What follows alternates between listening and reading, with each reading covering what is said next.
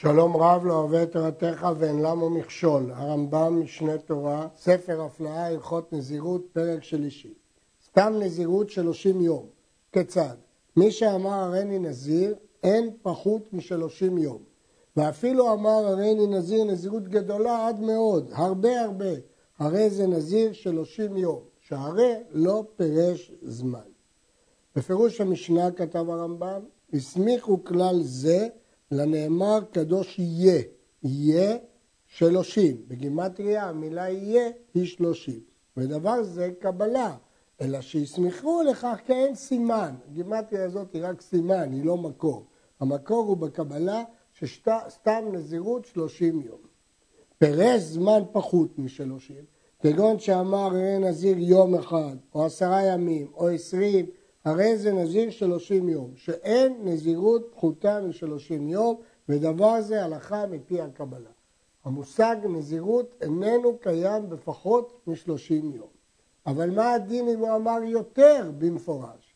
פירש זמן יותר משלושים יום, כגון שאמר אחד ושלושים, או ארבעים, או מאה יום, או מאה שנה, הרי זה נזיר כזמן שפירש, לא פחות ולא יותר. כיוון שהוא פירש זמן מדויק, יותר משלושים, הזמן שהוא פירש הוא הנזירות, לא פחות ולא יותר. האומר, הרי אני נזיר שעה אחת, הרי זה נזיר שלושים יום. למרות שהוא נזר רק שעה, לא נאמר ששעה אחת היא אה, שונה הדין שלה מיום אחד. הערוך השולחן מסביר שכיוון שמצאנו בתורה רק ימים, אולי שעות זה כאילו לא נזר כלום? לא. שעה אחת הוא כבר נזיר שלושים יום. אמר הריני נזיר שלושים יום ושעה אחת, הרי זה נזיר אחד ושלושים יום, שאין נוזרין שעות. אז אם הוא אמר שעה אחת, הוא נזיר שלושים יום, שזה מינימום נזירות. אבל אם אמר שלושים יום ועוד שעה אחת, הוא נזיר שלושים ואחד יום. האומר הריני נזיר, מכאן ועד מקום פלוני. אם לא החזיק בדרך, הרי זה נזיר שלושים יום בלבד. שלא נתכוון זה אלא לנזירות גדולה, כאילו אמר נזיר הרבה זמן, עד מקום פלוני. והרי לא פרע זמן, וכל מי שלא פרע זמן למדנו שזה שלושים יום. ואם החזיק בדרך, אז ברור שבאמת הוא מתכוון לדרך המסוימת הזאת שהוא הולך. אם היה מהלך פחות משלושים יום, אז זה נזיר שלושים יום, כי אין נזירות פחותה משלושים יום. ואם הייתה יותר משלושים יום, הרי זה נזיר נזירות אחת כמניין הימים, כי כך כנראה הוא התכוון, כמניין הימים שהולכים בדרך הזאת. הלכה ו' מי שאמר רני נזיר שתי נזירות, או שלוש, או ארבע, הרי, נזיר, הרי זה נזיר כמניין שאמר כל נזירות מהם שלושים יום. כיוון שהמושג נזירות הוא מינימום שלושים יום, אם הוא נזר שתי נזירויות, אז פעמיים שלושים יום. ובסוף כל שלושים ושלושים מגלח ומביא קורבנותיו. בכל שלושים יום הוא מגלח ומביא קורבנותיו. אפילו אמר, הריני נזיר מאה אלף נזירות, שאי אפשר שיחיה את הזמן הזה. הרי זה מונה אחת אחת עד שימות או עד שישלים עניין נזירותיו. הוא לא אמר הריני נזיר עולם, אלא הריני נזיר מאה אלף, עולה עולם. אז הוא מונה נזירויות אחת אחרי השנייה עד שימות, או עד שישלים את מניין הנזירות, אם הוא יכול להשלים. האומר הריני נזיר כמניין ימות השנה, נשים לב, הוא אמר כמניין ימות השנה, מונה נזירותיו כמניין ימות השנה. אם פירש שנת החמה, מונה 360 נזירות, כל אחת מהן 30 יום. ואם פירש שנת הלבנה, מונה 354 נזירות. ואם סתם, מונה 354 נזירות, שהרי ביארנו שבכל הנדרים הולכים אחר לשון בני אדם, ורוב שני החמה, בדרך כלל שנת חמה, 360 יום מונים לה, למרות שיש אה, חלקי ימים, אבל מונים את זה 365. ורוב שני לבנה, 350 יום מונים לה. ואין קוראים כל העם שנה סתם, אלא לשנת הלבנה. הרמב"ם מסביר את כל שלושת ההלכות בגלל לשון העם. בדרך כלל לשנת חמה קוראים ל-365 יום. לשנת לבנה קוראים 54 יום. זה הוא התכוון כשהוא אמר שנת הלבנה. אבל אם הוא אמר סתם שנה, בדרך כלל סתם שנה מתייחסים לשנת לבנה. האומר הריני נזיר אחת ומחצה. הוא רצה להיות נזיר, נזירות וחצי. הרי זה נזיר שתי נזירות. אין דבר כזה מחצה, כי מינימום של נזירות זה 30 יום. אמר הריני נזיר ויום אחד, או הריני נזיר ושעה אחת, הרי זה נזיר שתיים, כי הוא קיבל עליו נזירות ועוד נזירות של יום, שהיא שוב 30 יום. אמר הריני נזיר ואחת, הרי זה נזיר שתיים. הריני נזיר ואחת ועוד, הרי זה נזיר שלוש נזירות. הריני נזיר ואחת ועוד ושוב, הרי זה נזיר ארבע נזירות. כיוון שהוא השתמש במילים מיותרות, וכיוון שהוא השתמש במילים מיותרות, אנחנו מפרשים את דבריו שהוא רצה לכלול דברים נוספים. כלומר, כרבי עקיבא, שדורשים לשנה יתרה. אבל ממשיך הרמב"ם, הרי אני נזיר שלושים יום ויום אחד, הרי זה נזיר נזירות אחת של שלושים ואחד יום. פה אנחנו לא מפרשים שהכוונה נזירות אחת של שלושים יום ועוד נזירות של יום אחד. כי הוא לא אמר הריני נזיר ויום אחד. הוא אמר הריני נזיר שלושים יום ויום אחד. זה כאילו הוא אמר הריני נזיר שלושים ואחד יום. ולכן למרות שהוא אמר שלושים יום ואחד, פה הרמב"ם פוסק שהוא נזיר נזירות אחת של שלושים ואחת יום. הלך המשנה מקשה, הרי פה לפי רבי עקיבא כיוון שהוא אמר שלושים יום ויום אחד, הוא בא להוסיף, אז אולי הכוונה שהוא הוסיף עוד נזירות.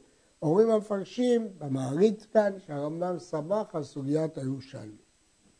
הלכה ט' מי שהיו שתי קטעי עדים מעידים אותו, אלו מעידים שנזר שתיים ואלו מעידים שנזר חמש, הרי זה נזיר שתיים, שבכלל חמש שתיים, והרי כולם העידו בשתיים. שתי הכיתות מעידות שהוא נזר שתי נזירויות. לגבי השאר יש מחלוקת בין הכיתות, אבל לגבי שתי נזירויות כולם מעידים. מה הדין אם זה כת אחת, ואחד אומר שתיים ואחד אומר חמש? משמע מהרמב"ם שזה לא כך, אבל המפרשים מביאים שלפי דברי הרמב"ם גם בכת אחת זה צריך להיות כך, ועיין כאן במפרשי הרמב"ם. מי שנזר שתי נזירות, בין שנזר שתיהן בבת אחת, בין שנזר זו אחר זו, כגון שאמר, הרי אני נזיר היום, הרי אני נזיר היום. הוא מנע את הראשונה, והפריש קורבן, ואחר כך נשאל על זאת הראשונה, והתיר נדרו. עלתה לו ראשונה בשנייה, הוא מביא זה הקורבן ונפטר. הוא יכול להשתמש בשלושים יום שהוא נזר בשביל הנזירות השנייה, והוא מביא קורבן ונפטר. ואפילו הביא כפרתו, ואפילו גילח שערו, ואחר כך נשאל עליה, עלתה לו ראשונה בשנייה. שהרי אין השנייה חלה, אלא אחר הראשונה, והראשונה אינה כיוון שהיא תירה, כאילו אינה מעיקרה. ממילא כל מה שהוא נזר והביא קורבן זה לשנייה. מה החידוש? שלמרות שהוא התכוון לנזירות הראשונה, אנחנו מחשיבים את זה עבור הנזירות השנייה. עוד חידוש, שלא אומרים שנזירות שהותרה מקצתה הותרה כולה, אלא הראשונה שהותרה הותרה, ואילו השנייה חלה עליי. מי שאמר, הריני נזיר לעולם, או הריני נזיר כל ימי חיי, הרי זה נזיר עולם. זה מעמד אחר לגמרי של נזירות, זה נזיר עולם. ואנחנו נסביר בהמשך מה פירוש נזיר עולם. ואם אמר הריני נזיר אלף שנה, הרי זה נזיר לזמן קצוב, ואף על פי שאי אפשר שיחיה האדם אלף שנה. הוא לא אמר נזיר לעולם, הוא אמר נזיר אלף שנה, אז הוא נזיר עד שהוא ימות. אבל כשהוא אמר נזיר לעולם, זה דבר אחר, הוא נקרא נזיר עולם.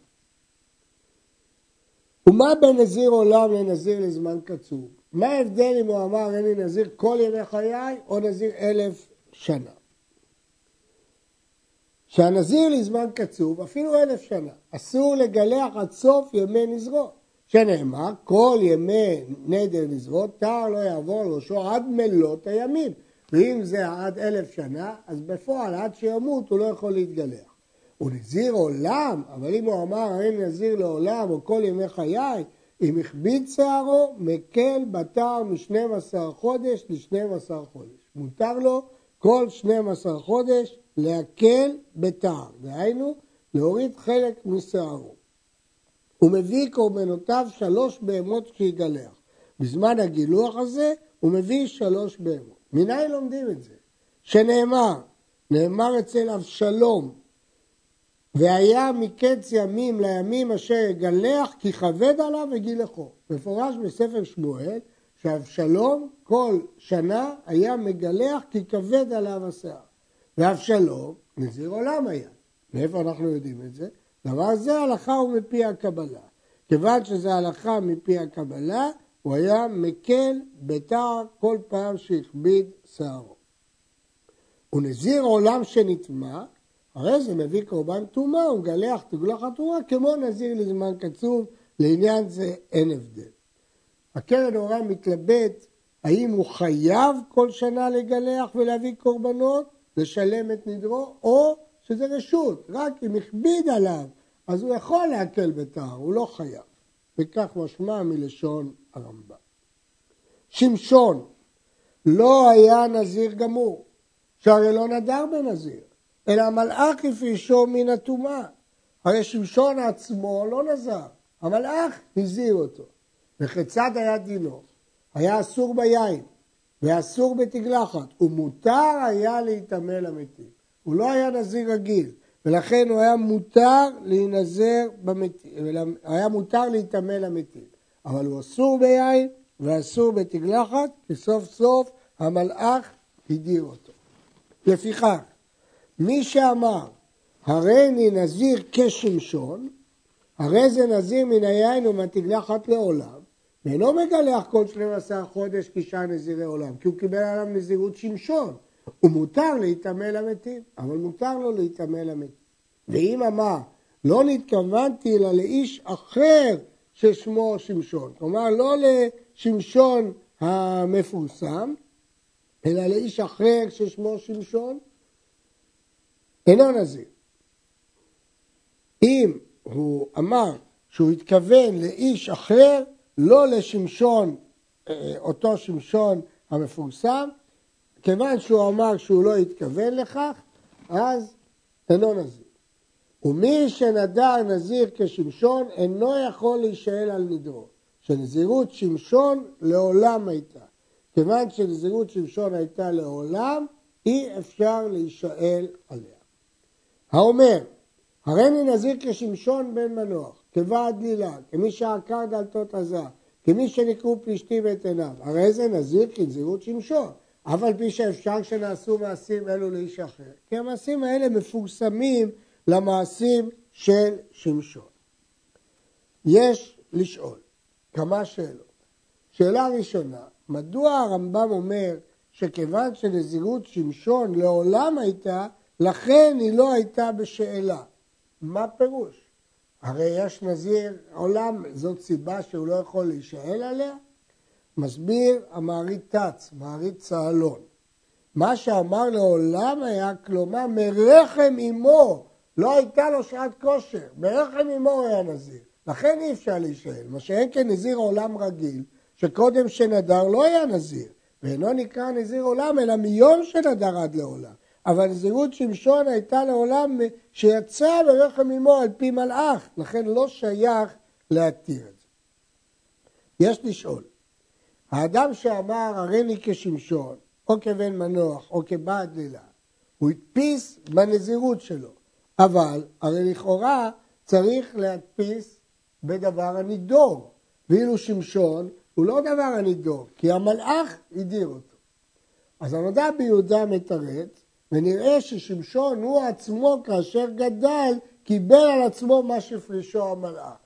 אבל הדברים הללו קשים כי הרמב"ם מדגיש שהמלאך או מנוח אחרי ששמע מהמלאך הוא שחייב את בנו וזה לא נזירות רגילה.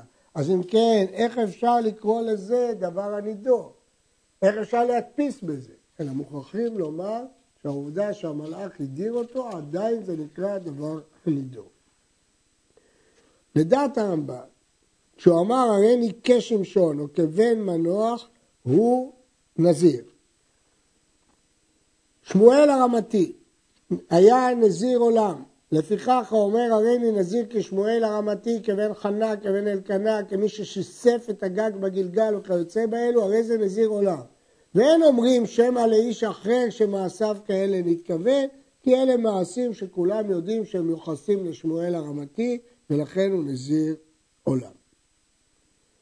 האומר הריני נזיר מלוא הבית או מלוא הקופה בודקים אותו אם אמר לא היה בדעתי שיהיה נזיר כל ימיי ולא נתכוונתי אלא להאריך זמן הנזירות זמן מרובה, הוא התכוון לנזירות גדולה, הרי זה נזיר שלושים יום בלבד.